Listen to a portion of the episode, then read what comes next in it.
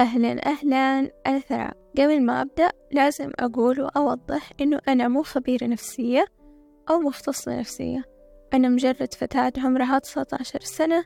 أقدم في هذا البودكاست الأشياء اللي أنا مريت فيها أو غيري مر فيها والمشكلات اللي الأغلب بيواجهها في حياته وكيف نحل هذه المشكلة وإيش أسبابها. فطبعا حلقة اليوم زي ما أنتم شايفين في العنوان. آه أنا سويت تصويت في حساب بودكاست كلام في الإنستا فروحوا ضيفوا حساب بودكاست كلام في الإنستا والتيك توك. فحلقة اليوم راح نتكلم فيها عن اضطرابات الأكل وطبعا تقدروا تسمعوا الحلقة على المنصات التالية يوتيوب وسبوتيفاي أو أبل بودكاست. فطبعا اضطراب الأكل له أنواع وأشكال. فأنا في هذه الحلقة راح نتكلم عن النوعين بالتفصيل وعن كيف نحاول نخفف أو نحل هذه المشكلة وطبعا أنا راح أتكلم برضو عن تجربتي مع اضطراب الأكل وكيف يعني حليت هذا الشيء. فعندنا أول نوع من أنواع اضطرابات الأكل اللي هو اضطراب فقدان الشهية العصبي تعريفه العلمي له إنه هو السعي للوصول إلى النحافة والنظرة المشوهة لشكل الجسد. السعي للوصول إلى النحافة مو يعني كزي لما أنا أبغى أسوي دايت صحي عشان أنزل وزني وزي كذا لا. هنا الشخص المصاب بهذا الاضطراب إنه بينزل وزنه بطريقة غير صحية سواء بإنه يجوع نفسه أو ممكن يأكل كميات كبيرة من الأكل وبعدين يستفرغها الله يكرمكم. وبرضو آه في اضطراب فقدان الشهية ممكن الشخص كمان يشوف جسمه بنظرة مشوهة. كيف يعني؟ يعني أنا مثلا جسمي عادي. الكل يقول جسمك عادي ما في له شيء. لكن لا أنا أشوف إن أنا جسمي مرة مو حلو جسمي مرة متين. فطبعا هذا النوع بيصيب أغلب البنات اللي في هذا العمر يعني في عمر المراهقة. ممكن برضو يعني بيصيب البنات الكبار وزي كذا وممكن المتزوجين وممكن برضو بيصيب الأولاد مو بس لجنس معين. فيعني هو مرض يعني منتشر من تقريبا نقول من المراهقة وما فوق للجنسين. فطبعا هذا الشيء يكون غالبا منتشر لعدة أسباب. من الأسباب الأولى اللي هي نظرة المجتمع ومعايير الجمال اللي إحنا بنشوفها يعني في مواقع التواصل الاجتماعي في أي شيء. فإحنا بنشوف إنه البنت مثلا أو الولد لازم يكون جسمه مدري كيف معضل ومدري إيش والبنت لازم يكون جسمها مو مرة نحيفة ولا مرة متينة ولا مدري إيش. هذه معايير الجمال. هذا نوع من الأنواع اللي إيوة ممكن هذا يأثر على الشخص. النوع الثاني اللي ممكن الشخص يتعرض لكلام من المحيط. كيف يعني؟ إنه مثلا أحد يعلق على طريقة أكله أحد يعلق على كمية الأكل اللي بيأكلها أو على وزنه أو على نحفه الزايد أي شيء. فهذا برضو بيأثر.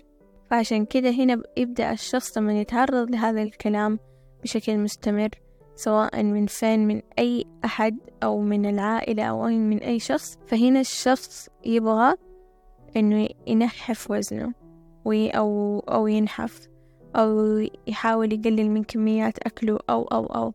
وممكن زي ما قلنا لكل فعل ردة فعل. عندنا ألف وباء. ممكن باء يتعرض يعني لنفس هذه الأشياء بس اللهم هو واعي أكثر في هذا الموضوع. وعنده تجربة يعني ما يأثر عليه هذا الشيء لكن ألف في المقابل ألف يتأثر. طبعا أوضح يعني نقطة إنه هو أكيد مو شيء عيب إذا أنتوا كان وزنكم زايد زيادة عن الوزن الصحي وتبوا تنحفوا هذا شيء طبيعي أكيد وأنا أشجعه. بس اللهم إحنا لازم ننحف بطريقة صح والطريقة الصحية اللي ما نرهق فيها جسمنا ونفسنا وتخلينا نوصل لمرحلة إننا نحرم نفسنا من الأكل وما ناكل. وطبعا في سبب ثاني من الأسباب اللي هي محاولة جذب الانتباه. لما إحنا نشوف شخص يسوي هذا الشيء عشان يجذب الانتباه ما ينفع يعني نستحقر هذا الشخص ونقول احمدي ربك إنه في غيرك من جد يعني من هذا الشيء وهذا الكلام. كله كلامكم صح بس هو هذا الإنسان برضه في حالة خطرة. ليش؟ لأنه هو مو قادر يطلب المساعدة من أحد فقام قاعد يسوي في نفسه هذا الشيء عشان هذه طريقة تكون لطلب المساعدة ليش؟ لأنه هم ممكن يفكروا إنه أنا لو طلبت المساعدة حيكون شكلي مدري كيف أو ما ينفع أو أو أو فأقوم أنا أسوي في نفسي زي كذا عشان ممكن أحد حيسمع لصوتي ويحل لي هذه المشكلة وممكن برضو يجينا هذا الاضطراب بسبب صدمات نفسية تعرض تعرضنا لها. ممكن صدمات حزن أو ممكن تتذكروا لما قلت في حلقة التحرش والاغتصاب إنه ممكن الضحية تحاول تحمي نفسها. كيف تحمي نفسها؟ بإنها تشوه نفسها. ليش؟ لأنه هي في مخها حي... حتفكر إنه ممكن لو أنا سويت كذا في نفسي خلاص ما عاد حتعرض لهذا الشيء. فتقوم هنا هي تحاول تنحف تنحف تنحف وتدخل في دوامة اضطراب الأكل فطبعا فكتجربتي أنا ثراء أنا مريت بهذا النوع من الاضطرابات يعني جات فترة اللي هي نفس الفترة اللي قلتها في الحلقة اللي فاتت في 2021 وزني مو بس نزل من المرض وزني نزل زيادة كمان بسبب إنه أنا كان عندي اضطراب فقد الشهية العصبي آه وليش؟ لأنه كان كنت دائما أسمع كلام عن جسمي من اللي حولي كنت دائما أسمع كلام عن كمية الأكل اللي أنا أكلها لأنه أنا من النوع اللي كنت آكل ما شاء الله مرة كتير فكنت دائما آكل آكل آكل. لما أتذكر جسمي كيف كان كان جسمي صحي ووزني صحي بس إنه الكلام اللي سمعته من المحيط يعني ومن الناس فخلاص هذا الشيء خلاني يعني وأنا كشخصيتي أنا أنا شخصيتي حساسة. فعشان كذا قلت لكم إنه هو يختلف من شخص لشخص. ممكن شخص تاني زي يتعرض لهذا الشيء ما يهتم. لكن أنا أديت الموضوع أكبر من حجمه للأسف لأنه أنا يعني أعرف نفسي أنا حساسة ودائما أدي الأشياء أكبر من حجمها فالموضوع مرة أثر علي. فكانت يعني كانت فترة مرة صعبة إنه اللي كنت أسمع إنه شوفي حتى ملابسك ما عاد صارت تدخل عليكي ووزنك مدري كيف وجسمك مدري كيف. إنه لدرجة إنه في مرة كده إنه تعرضت لهذا الموقف إنه أنسحب مني الصحن عشان لا أكمل آكل لأنه كنت آكل كتير. فهذا الشي خلاص اللي أثر علي إنه ما عاد صرت أقدر آكل قدام أحد. أيوة جات فترة ترى ما كنت أقدر آكل قدام أحد. أو كنت دائما آكل في غرفتي عشان أقدر آكل الكمية اللي أنا تشبعني. فأنا أثرات تشبعني. وإذا أكلت قدام أحد كنت آكل كميات جدا صغيرة. ليش؟ عشان أخاف أحد ينتقد أكلي أو الكمية اللي أنا أحطها. فطبعا آه بسبب ده الشيء أنا مرة كرهت جسمي. صرت كنت أطالع في نفسي في المراية. كنت أشوف نفسي ج... كنت أشوف جسمي مرة مو حلو. كنت أكره جسمي يا جماعة. ما تدروا قد إيش اللي كنت أقرف من جد كنت لما أطالع في جسمي يجيني غثيان ما أمزح كنت ما أقدر أطالع في جسمي إنه ما أقدر ما أقدر. حتى لما أغير ملابسي ما ما أطالع في نفسي لو إيش مستحيل. لدي الدرجة كنت أنا معقدة. مستحيل أطالع في جسمي لأنه لو طالعت خلاص على طول أنهار. بسبب ده الشيء كنت خلاص وقفت آكل زي الناس بس عشان إيش؟ أبغى أنزل وزني بنزل وزني. ومرات عشان أنا كمان كسولة ما في حد أسوي رياضة فكنت بس لك إنه خلاص أنا ما بسوي رياضة وفي نفس الوقت ما ينفع آكل فقوم ما آكل أبدا. في مرة يا جماعة وصلت فيا إني جوعت نفسي لمدة يومين كاملة. أيوة يومين كاملة كنت أعيش على إيش؟ كنت أعيش على الموية. بعدين إنه حتى كنت لما آكل كتير كنت أستفرغ اللي آكله. فعشان كذا يعني أنا قعدت فترة طويلة أحاول أتقبل وزني وأحاول بعدين أرجع آكل. وكنت لما أرجع آكل وبرضو أسمع ذا الكلام على طول أرجع أتحسس تاني وأوقف وأرجع في نفس الدوام. أخذ ترى مني فترة كثيرة وطويلة إنه أنا أوصل لهذه المرحلة الآن. يعني أنا الآن الحمد لله صح وزني لسه مو صحي وزني خمسة وأربعين بس هو وز... وزني نزل الحين بسبب يعني التقلبات الصحية اللي قاعدة أمر فيها. بس still يعني مقارنة بشخصيتي الآن وشخصيتي زمان فرق. يعني أنا ممكن لو أنا ثراء القديمة كانت في هذا الوزن يعني خمسة وأربعين كانت تشوف نفسها يا الله كانت حتشوف إيش هذا؟ خمسة وأربعين يعني إيش؟ يعني أنتي انت إيش؟ انت كيف سويتي في نفسك كذا؟ ويعني وازيدكم من الشعر بيت انه ترى لما وزني نزل ويعني صار وزن غير صحي ابدا كان أربعين تسعة وثلاثين شي زي كذا. مرة مو صحي ابدا. فكنت أفرح كنت أفرح إنه أوه خلاص أنا من جد الحين صرت نحيفة خلاص ما حد يقدر يتكلم. بس رضا الناس قايلة جدا الناس برضو تكلمت. صاروا دحين ما يعلقوا إنه أنا متينة لا يعلقوا إنه أنت مرة نحيفة بزيادة. ليش ما تاكلي؟ كانت فترة صعبة. بس إنه الآن أنا بالعكس صرت مستحيل أجوع نفسي.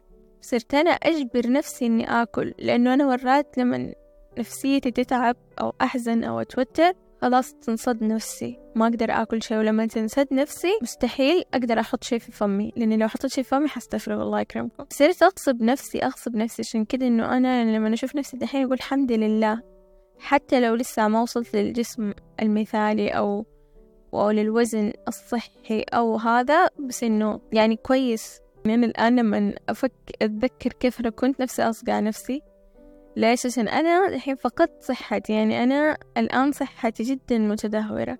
بتعب كتير بتعب من رئتي مناعتي مرة ضعيفة بمرض بسرعة عظامي بتوجعني رأسي بيوجعني كليتي بتوجعني رحمي بيوجعني كل شي فيها مكسر. فعشان كده أنا لما فقدت الصحة عرفت بقيمتها. عشان كده النعم ودايما أقول لكم أشكر النعم حقتكم ولو كانت صغيرة وقليلة لأنه أنتم ما تحسوا بقيمة النعمة إلا لما تفقدوها.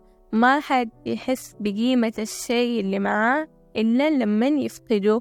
أنا الآن أقول لكم لو بيدي لو أدفع إيش قد إيش بس عشان أرجع صحتي أتمنى يعني. فدحين النوع الثاني اللي هو اضطراب النهم. أو الشراهة عند تناول الطعام يعني إنه من الاسم إنه آه الشخص يتناول كميات كبيرة من الطعام أكبر من الكمية اللي الشخص العادي ممكن يأكلها. آه الشخص يفقد السيطرة على نفسه ويقعد يأكل ويأكل ويأكل ويأكل ويأكل ممكن هو ما يكون جيعان بس يقعد يأكل ويأكل ويأكل ويأكل. فهذا النوع أنا أعرف ناس في حياتي مصابين بهذا الشيء. لأنه أول ما يكتئبوا ويحزنوا يحطوا حرتهم في الأكل. ويقعدوا ياكلوا وياكلوا وياكلوا وياكلوا وغالبا يحدث لنفس الأسباب. يا تكون صدمة نفسية أو حزن أو ممكن برضو كلام الناس. كيف يعني كلام الناس؟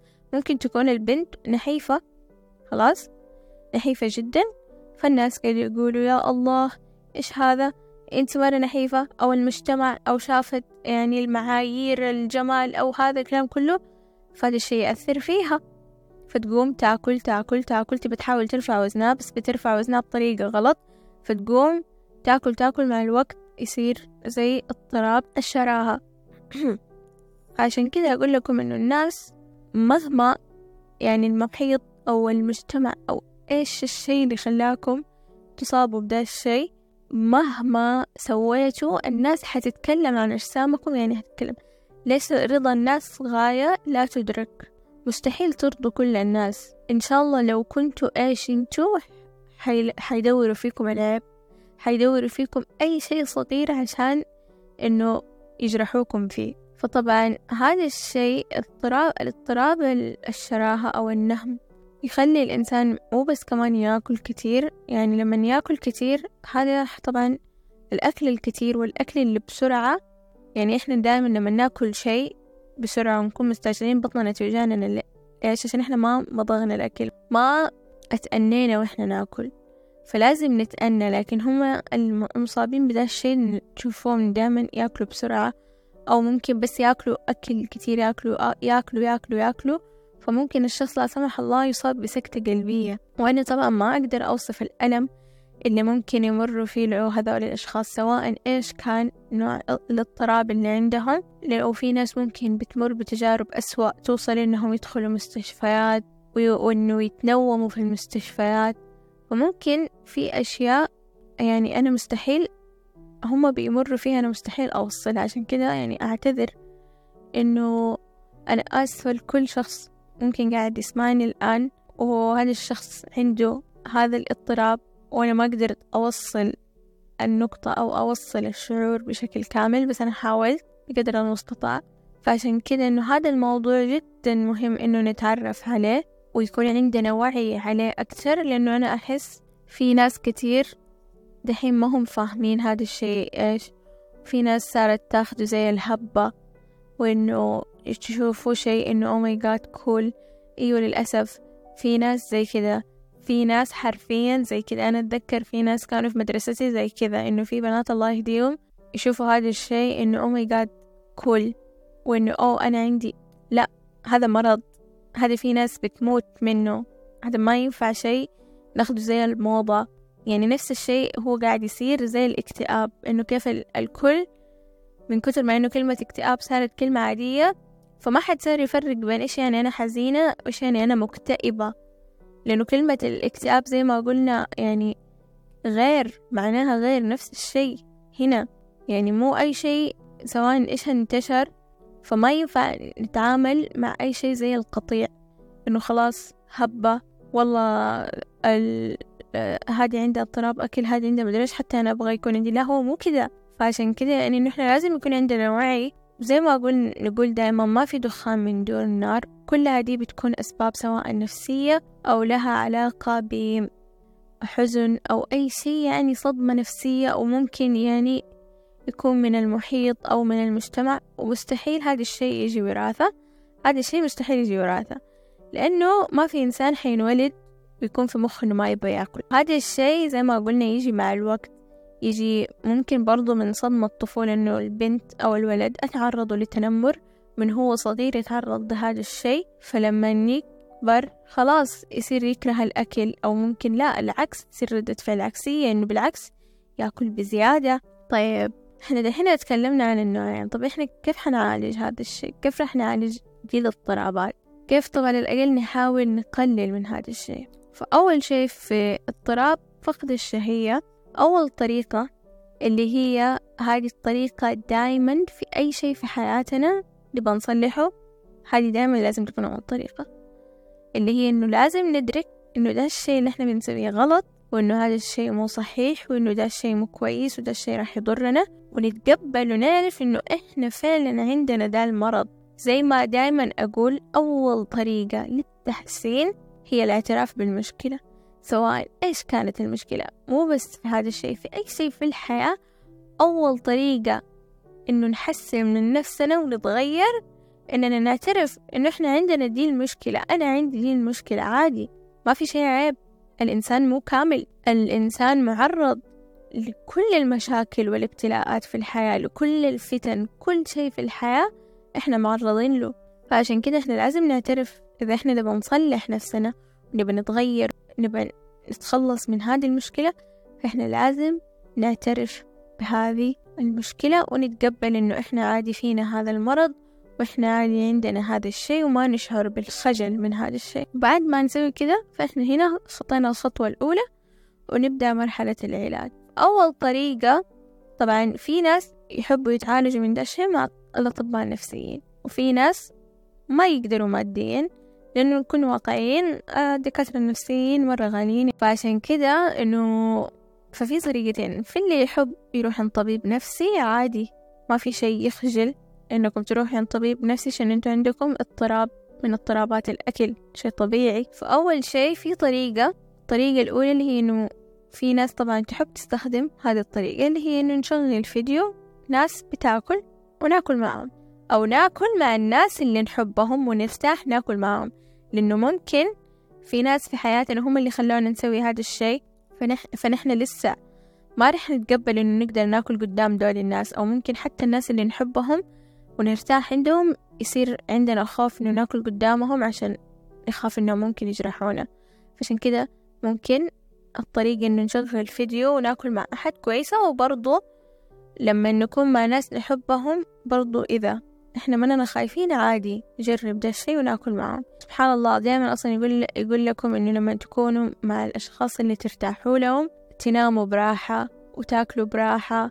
حتى تشوفوا نفسكم تتكلموا كتير وتصيروا ثرثارين. ليش؟ لأنه خلاص أنتوا هنا أنتوا تحسوا بالأمان والراحة. طيب إيش هذا الشيء في إيش حيساعدكم؟ حيساعدكم إنه لما أنتوا تشوفوا أحد ياكل بشكل طبيعي وما بيحس بتأنيب ضمير وما بيحس بالأشياء اللي إحنا بنحس فيها فإحنا حندرك إنه مع الوقت طبعا يعني حندرك إنه أيوة أيوة عادي أنا آكل كمية كتيرة مو شي عيب مو شي خطير أنا قاعدة أسوي زيه عادي شي طبيعي ناكل كده. وأعيد وأكرر لازم قبل ما نبدأ أي خطوة في العلاج لازم إحنا نكون معترفين إنه هذه المشكلة فينا وإنه إحنا نبغى حل هذه المشكلة لأنه لو إحنا ما اعترفنا بدي المشكلة ما راح نتعالج. الدليل إنه إحنا لما نجيب شخص زي ما قلت لكم مصاب بالمرض بنقول له أتعالج وهو لسه مو مصدق ومو مؤمن إنه هو مريض ويشوف لا العكس إنه بالعكس هذا الشيء اللي بيسويه صح وصحي ولازم ينزل وزنه زيادة وكلهم كلامهم غلط فينا ما راح يتعالج لأنه هو أصلا ما يبغى.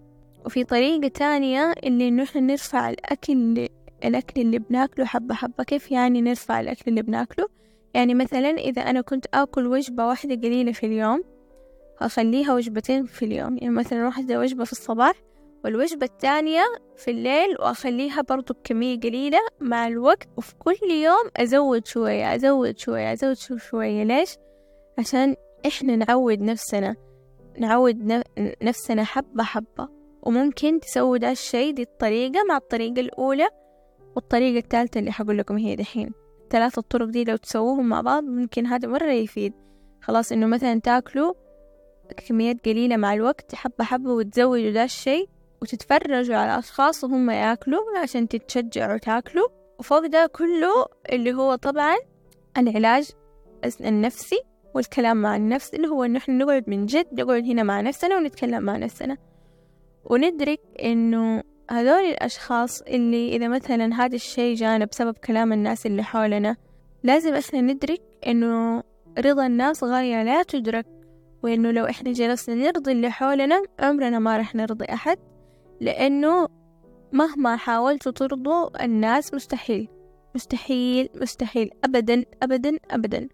ففي يعني في ناس زي ما قلت أول في ناس برضو هتحاول تلقى العيب فينا فعشان كده إحنا في مثل أنا في واحدة قالت لي هو مستحيل أنسى دا المثل خلي كلام الناس تحت المداس. إيش يعني المداس؟ المداس الله يكرمكم اللي هي الجزمة أو الشبشب أو الزنوبة ما أعرف إيش تسموها بلهجاتكم. اللي هو إنه خلوا كلام الناس تحت الها... تحت الجزمة. الله يكرمكم. هذا المعنى فعلا لأنه كلام الناس ما راح يودي ولا يجيب. كلام الناس كلام بس بس كده الناس تحب تتكلم. لكن أنتوا لازم اللي تسوون تسمعوا من إذن وتخرجوا من الإذن الثانية حتى لو دول الناس قريبين منكم ولو هدول الناس إن شاء الله من إن شاء الله صحبات أو أقارب أو أي شيء أي شخص يتكلم عني بسلبية فهذا الإنسان هو مو عامل مساعد إنه يبني شخصيتي. فهذا الإنسان ما بيخليني إنسانة سعيدة. أي أحد يضركم نفسيا بالكلام أو الفعل سواء مين كان نقطع من حياتنا.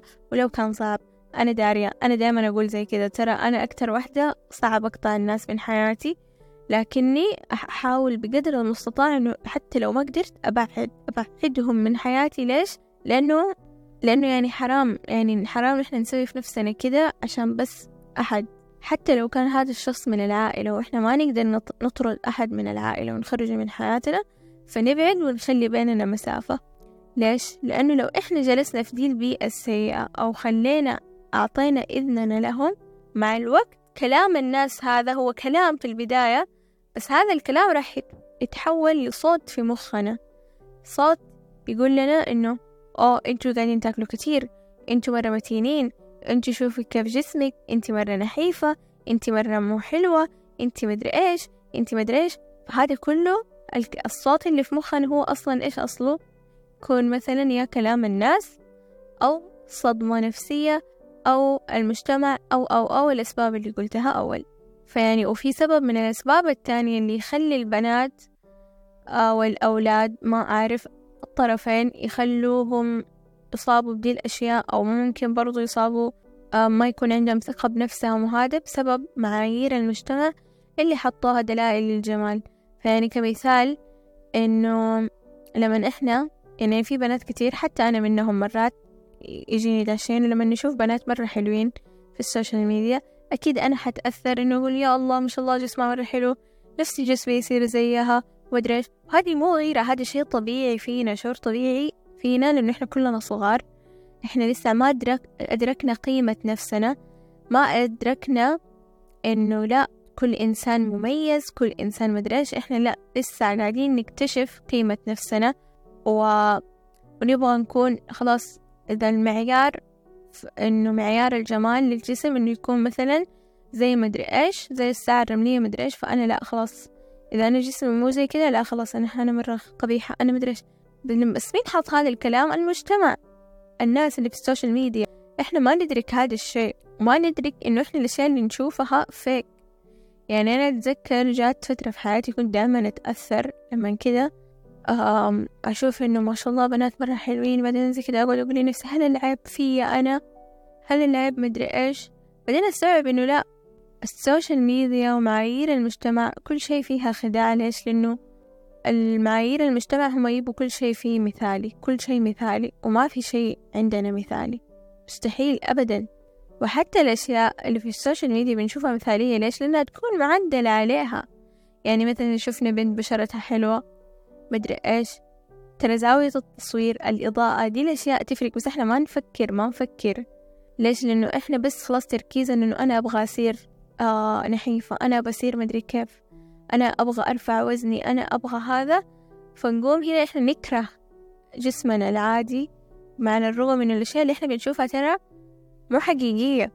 فأنا صرت دحين لما أشوف أحد ويجيني شعور اللي أقارن نفسي أقول ما أقارن نفسي أقول لا لا تقارني جسمك بأحد أبدا ولا تقارني وجهك بأحد لأنه كل إنسان مميز كل إنسان فيه له شيء يميزه عن الثاني كل إنسان جسمه يميزه عن الثاني.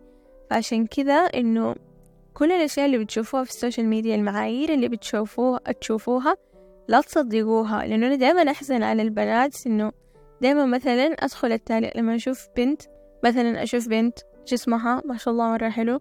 فأدخل التعليقات أشوف في بنات يعني هو مزح بس هو يحزن إنه في مثلا بنات كاتبين إنه قطعة البيتزا اللي نفسي أكملها حسبي الله مدري إيش. فلا لا تقارنوا نفسكم بأحد.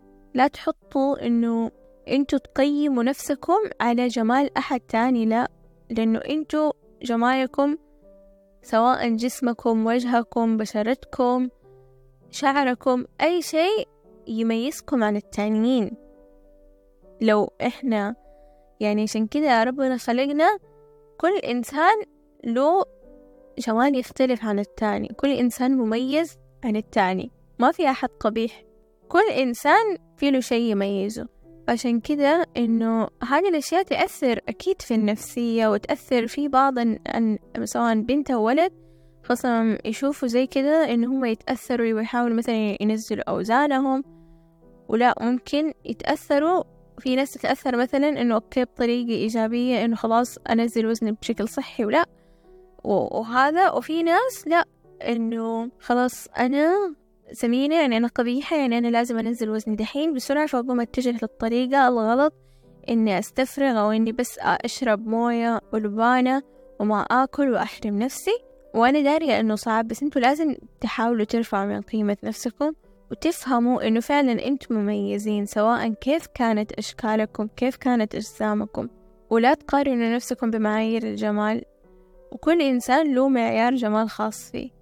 يعني أنا شفت مثال سبحان الله ربنا خلق كل إنسان بشكل مختلف وهذا الإنسان راح يجي ناس تشوفه أجمل إنسان في العالم وناس لأ. كده حكمة من الله إنه زي كده إنه في ناس فعلا يعني أنا ممكن أنا في ناس تشوفني جدا جميلة في ناس تشوفني عادية في ناس تشوفني قبيحة. طبيعي عادي نفس الشيء يعني فهمتوا؟ فخلاص لا تهتموا إنه لا تهتموا لنظرات المجتمع لا تهتموا لنظرات اللي حولكم لأنه يا حبايبي في نهاية الحياة في نهاية هذا الطريق الطويل حقكم إذا ربنا طبعا يعني أحيانا إن شاء الله مين اللي حيكون معاكم في النهاية؟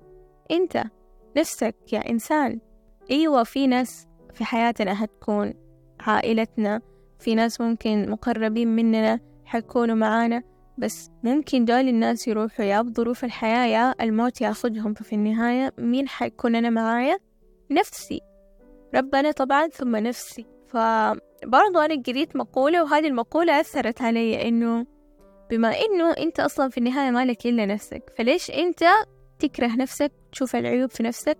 بينما إنه أنت يا إنسان أنت المفروض تكون أول شخص يشوف نفسه أجمل إنسان في العالم ويشوف نفسه أكثر إنسان مثالي في العالم وأك... ويتقبل نفسه بجميع حالاته. ليش ليش تستنى هذا الشيء من إنه خلاص لازم الكل يشوفني أنا جميلة؟ عشان خلاص أوكي أنا أطمن أيوة أنا فعلا أنا جميلة. لا. طز يشوفوني جميلة ما يشوفوني جميلة يشوفوا جسمي حلو ما يشوفوا جسمي حلو يشوفوني متينة يشوفوني نحيفة يشوفوني إن شاء الله زرافة. مو مهم أنا علي كثراء إنه أنا أتقبل جسمي زي ما هو. أتقبل طريقة أكلي أتقبل نفسي أتقبل عيوبي. عادي. فلا تكونوا أنتوا عدو نفسكم لأنه في النهاية مين اللي حيجلس معاكم؟ نفسكم. مين اللي حيكون معاكم نهاية الطريق؟ نفسكم. وطبعا آه زي ما قلت في أحد الأسباب إنه ممكن تكون آه صدمة نفسية. فإذا كان الشخص معرض أتعرض لصدمة مثلا تحرش فهو بيحاول يشوه نفسه. فأنا من الآن خدوها مني أنا مجربة هذا الشيء هذا الشيء ما راح يفيد.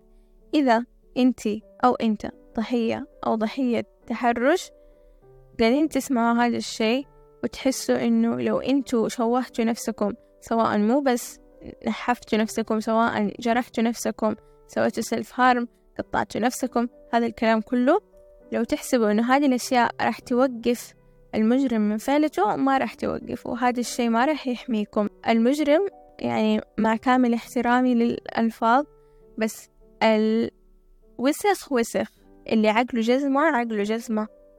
ما راح يتغير ما راح يتغير لما إنه والله أنت شوهتي نفسك يعني أنا ما راح أتحرش فيكي لا. المجرم مجرم والمعفن معفن. عشان كده هذه طريقة جدا غلط. إنه أنتم تحاولوا تحموا نفسكم عن طريق إنه تأذوا نفسكم. عشان كده لنفسك عليك حق ولبدنك عليك حق. أجسامنا أمانة من رب العالمين زي ما أرواحنا أمانة مو بس قتل النفس حرام. حتى الأشياء اللي إحنا لما نأذي نفسنا فيها هذا الشيء حرام لأنه هذا الشيء أمانة. ربنا أعطانا هذا الجسم عشان نحسن إليه مو عشان نعذبه. عشان كده ربنا قال ولا تلقوا بأيديكم إلى التهلكة مو بس المخدرات مو بس الكحول مو بس الدخان حتى لما نحن نأذي نفسنا نجرح نفسنا نجوع نفسنا نستفرغ الأكل هذا الكلام أو نأكل بزيادة عن اللزوم هذا كله بيضرنا ففي من أحد طرق العلاج اللي ممكن إحنا نشوفها سخيفة التوكيدات إيش يعني توكيدات؟ أنه أنا أقول لنفسي أنا جميلة أنا جسمي كويس أنا ما في عيب كيف ده الشي حيساعدني العقل الباطني اللي هو العقل اللاواعي هو أصلا هو اللي بيتحكم بأفكارنا هو اللي بيتحكم بكل شيء فينا هو اللي بيتحكم بالعقل الواعي هو اللي بيتحكم بكل شيء. فلما نحن نقنع العقل الباطني مع مرور الوقت لما نحن نقول كده لما نقول كده ونقنع العقل الباطني بدا الشيء ترى من جد. نقتنع فيه وإنه ويصير هذا الشيء أنا كيف جربته؟ أنا جربته بس في الدراسة. أنا ما كنت أفهم الرياضيات ولا الفيزياء وكنت أكره الفيزياء. الفيزياء كانت بالنسبة لي أسوأ مادة. بعدين صرت أقول لا الفيزياء مرة حلو. كذا كنت أكذب على نفسي نفس الشيء مع الرياضيات. كنت أقول يلا الرياضيات والفيزياء أحلى شيء في الثانوي.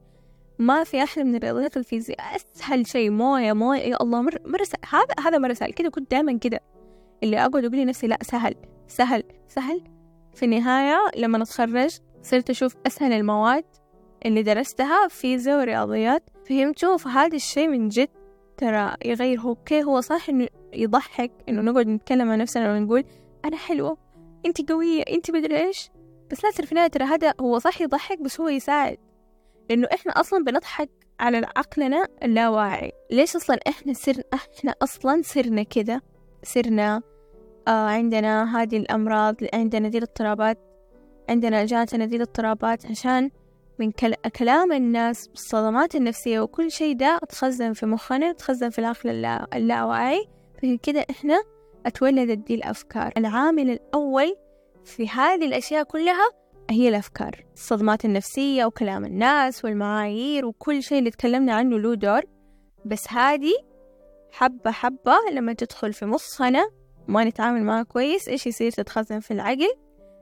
اللاواعي وبعدين دي الأفكار تصير دي أصوات وأفكار في مخنا إنه أنا لما أسمع مثلا كلام أحد أنا أخرجه من أسمع من إذن وأخرجه من إذن ما حد له حق يتحكم في جسمي. هذا إحنا لازم نفهم أنفسنا إنه هذه أجسامنا لنا إحنا. هذا جسمي. جسمي أنا بس. ربنا لما حط الروح حط روحي أنا في جسمي. ما حط أرواح الناس الباقي في جسمي عشان يصير لهم كلمة على جسمي. أجسامكم هي ملك لكم فلا تهلكوها لا يعني لا تجوعوا نفسكم لا تاكلوا بزيادة. حتى لو طبقتوا إنه الخطوات وإنه تقللوا يعني الأشياء كلها اللي قلت لكم هي برضو لازم تسوي دي الأشياء النفسية. عشان الجانب النفسي والعقل اللاواعي هنا له دور. له دور مرة كبير العقل الباطني لأنه هو أصلا هذا كل دي الدوامة اللي أنتوا فيها كلها بسبب أفكار. هذه أنا ساعدني هذه نصيحة من الأشخاص المقربين مني قال لي هذا الشيء. الأفكار دحين هذه أفكارك في مخك فأنت تتعاملي معها لما تكون أصوات من ناس برا هذه الأصوات الأصوات من ناس برا خلاص هنا وقت أنت تتعاملي معها. كيف نتعامل معاها والله نأخذها نسمعها من دي الإذن ونخرجها من الإذن الثانية.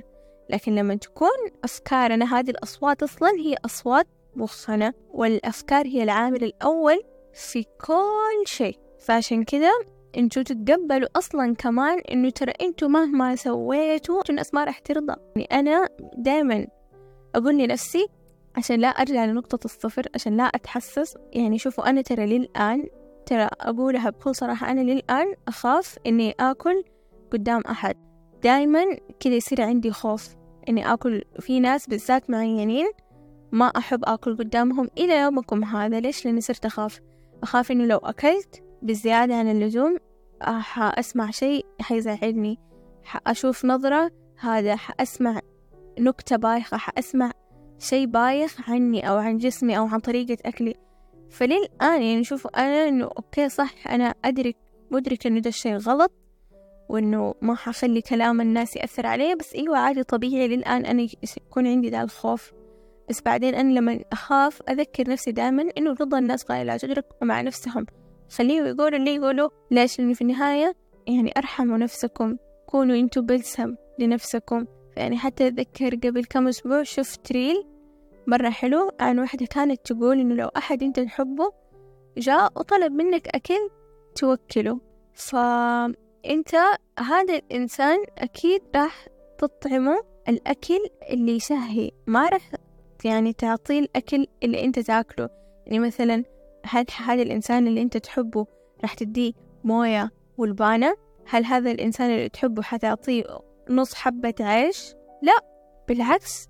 لما الإنسان أنت تحبه يطلبك شيء يعني أكل أنت راح تقدم له أفضل الأطباق وأطعم الأشياء صح ولا لا؟ ليش ما تحب نفسك أنت كمان زي ما تحب الناس اللي حواليك؟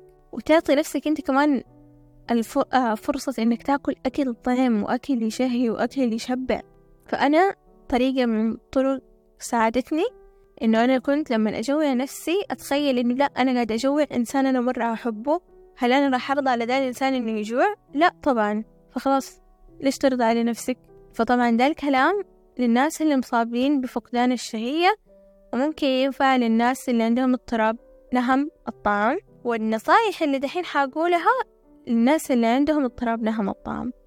فغالبا زي ما قلنا في البداية إنه لما الشخص يتعرض لهذا الشيء يكون يتعرض نفس الكلام لأشياء نفسية وممكن فقدان من شخص عزيز أو أو أو يحطوا حرهم للأكل. ليش؟ لأنه الأكل لما إحنا نأكل شيء طبيعي نشعر بالسعادة لأنه هرمون الدوبامين انفرز في مخنا. فيقوم ينسينا الحزن ينسينا هذه الأشياء. الأشخاص دول يجيهم إدمان في الأكل ويحطوا حرهم في الأكل ليش؟ لأنه يبوا ينسوا الألم بينسوا الألم وبيحسوا بس بالسعادة فيقوموا ياكلوا ياكلوا ياكلوا نفس لما الناس اللي يحطوا إدمانهم على الدخان والمخدرات ليش؟ لأنه دي الأشياء بتحسسهم بالسعادة بتفرز لهم ده الهرمون بالزيادة فنفس الشيء الأكل بيحسس بالسعادة فلما الشخص يقعد يكون مثلا أكتئب أو جاته صدمة وهذا ويحط حرته في الأكل يحط حرته في الأكل بس عشان خلاص يهرب يهرب من الألم فيقوم خلاص إنه وينفرز هذا الهرمون وهذا الهرمون. بس طبعا في النهاية هذا مو صحي. حتى لو كان هذا الشخص مو جوعان بس إنه ستيل حيقعد ياكل ياكل ياكل ياكل بس عشان إيش؟ عشان يحس بشعور ممكن جميل شوية وينسى هذا الألم. بس طبعا في النهاية بعد ما يخلص الأكل حيحس بشعور مقزز وحيحس بعدم الرضا ويحس بالمشاعر التانية. يعني في النهاية هي بس مجرد متعة مؤقتة. فهذا الشيء اللي حقول إنه هذا الشيء صراحة شفته عند أحمد الشقيري. هو قال إنه كيف إذا تبغى تخلصوا من إدمانكم لشيء سواء إيش كان هذا الشيء أنتم مدمنين عليه إنكم تلقوا موهبة. كل إنسان في الحياة راح يلقى شيء يحبه ويسويه ويكون عنده شغف له ولو انتهى الشغف راح يلقى شغف جديد ويسوي ويشتغل عليه. هذا شيء طبيعي. أي شيء أي شيء يغير لي مزاجي بطريقة كويسة وأستفيد من هذا الشيء وفي نفس الوقت خلاص أنسى الإدمان. والأشخاص اللي معرضين زي ما قلنا للإدمان زي كذا يكون إنه بسبب حزن من الماضي أو أو خوف من المستقبل. زي ما نقول دايما أول طريقة في العلاج اللي هي نعترف بالمشكلة ونتقبل إنه هذا الشيء فينا وإنه ده المرض عادي فينا وإنه لو أنا متينة وآكل كثير عادي أنا عندي دي المشكلة وأنا دحين راح أحاول أحلها. لأن أنا أول كنت أحلها بطريقة غلط إني أهرب من بالأكل من هذه المشكلة. يعني مثلا لو أنا جاني اضطراب النهم بسبب فقدان العزيز فأنا أقوم هنا أرجع أحاول أرجع للمشكلة الأصلية وأحاول أحل دي المشكلة أو أحاول أتقبل شعور الألم والحزن هذاك عشان يروح هذا الشيء. فهمتوا؟ فإن في كل شيء له سبب. كل ما في دخان من دون نار. إحنا غالبا ندمن على شيء أو نسوي شيء بس ليش؟ عشان نهرب من الألم اللي إحنا فيه. مع إنه أنا دارية إنه شعور الألم يخوف والهروب نشوفه أسهل فنقوم ندمن على هذه الأشياء ندمن على الأكل ندمن على الدخان ندمن على أي شيء. بس هو ترى الهروب من الألم تعرفوا زي إيش؟ زي لما إحنا ناخد يدنا ونحط يدنا على النار. فإحنا بنفضل هاربين هاربين هاربين ويدنا ويدنا لسه على النار. لما نشيل يدنا على النار خلاص حتبقى إيش؟ يدنا توجعنا. يا حتوجعنا حتوجعنا بس مع الوقت حتتعافى. صح ولا لا؟ نفس الشيء. إحنا نهرب نهرب نهرب إحنا اللي قاعدين نتألم. لكن لما نواجه الألم في البداية حيكون مرة يخوف مؤلم. مرة نتألم بس مع الوقت حيتشافى يتشافى يتشافى زي آثار الحروب. دارية إنه صعب إنه نواجه آلامنا. عشان كذا إحنا بنهرب لدي الأشياء. يعني أنا مثلا عندي إدمان إيش؟ أنا أضغط نفسي. أضغط نفسي أضغط نفسي أضغط أضغط أضغط وأنفجر.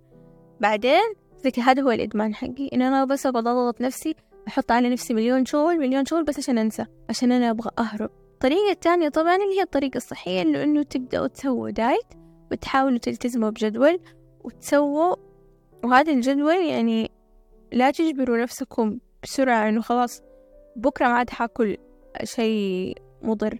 بكرة حأكل أنا مثلا كنت أكل ستة وجبات في اليوم بكرة حأكل ثلاثة أو وجبتين لا حبايبي هو مو كده. حبة حبة. مثلا خلاص أنا زي ما قلت أكل ستة وجبات غير صحية في اليوم فخلاص في اليوم الثاني أخليها خمسة وجبات. اليوم بعد يومين أخليها أربعة. بالتدريج بالتدريج بالتدريج. ليش؟ لأنه لما نقطع الشيء على طول ترى ما راح يزبط. لأنه إحنا عندنا إدمان لهذا الشيء. خاصة عقلنا متعود إنه هرمون الدوبامين ما بينفرز إلا لما إحنا نسوي ده الشيء بشكل متكرر. فهمتوا؟ فلما أنتوا تقطعوا ده الشيء فجأة العقل حتجيله زي الصدمة والجسم تجيله صدمة إنه لا مصدر السعادة راح. فين راح؟ مدري إيش. لا لا لا لا لا. زي كده. فنقوم نرجع لنفس الدوامة تاني. حبة حبة إلين ما الجسم والمخ يتعودوا. آه الإنسان سبحان الله هو هذا ابتلاء من ربنا إنه الإنسان ضعيف قدام الشهوات. سواء إيش كانت فإحنا يعني قدام شهوة الأكل قدام الهذا قدام الهذا تكون شهواتنا ضعيفة نفسنا نسوي ده الشي نفسنا نفسنا نفسنا ومرات ما نقدر نتحمل فنقوم نسويها لأنه خلاص هذا زي الإدمان. فعشان كده إحنا حبة حبة لازم نبطل. فهمتوا إحنا حبة حبة لازم نعود جسمنا وما نصطم مخنا. وهذا الشيء نتقبل إنه ده الشيء ما رح يجي في يوم وليلة والتغير ما رح يجي في يوم وليلة. يعني أنا دحين شوفوا لي ستة شهور عادي قاعدة أحاول أرجع وزني. وترى ست شهور دي وزني نزل. يعني أنا وزني كان أحسن من كده ونزل ونزل لثلاثة وأربعين ودحين رفعته تاني. فلا هو حبة حبة إن الله لا يغير ما بقوم حتى يغيروا ما بأنفسهم. ما ينفع نقول يا رب أنحف وأنا ما بسوي شيء أصلا وما ينفع أقول يا رب يروح الحزن مني وأنا ما بسوي شيء. إيوة الدعاء حلو ويريحنا من الحزن والهم.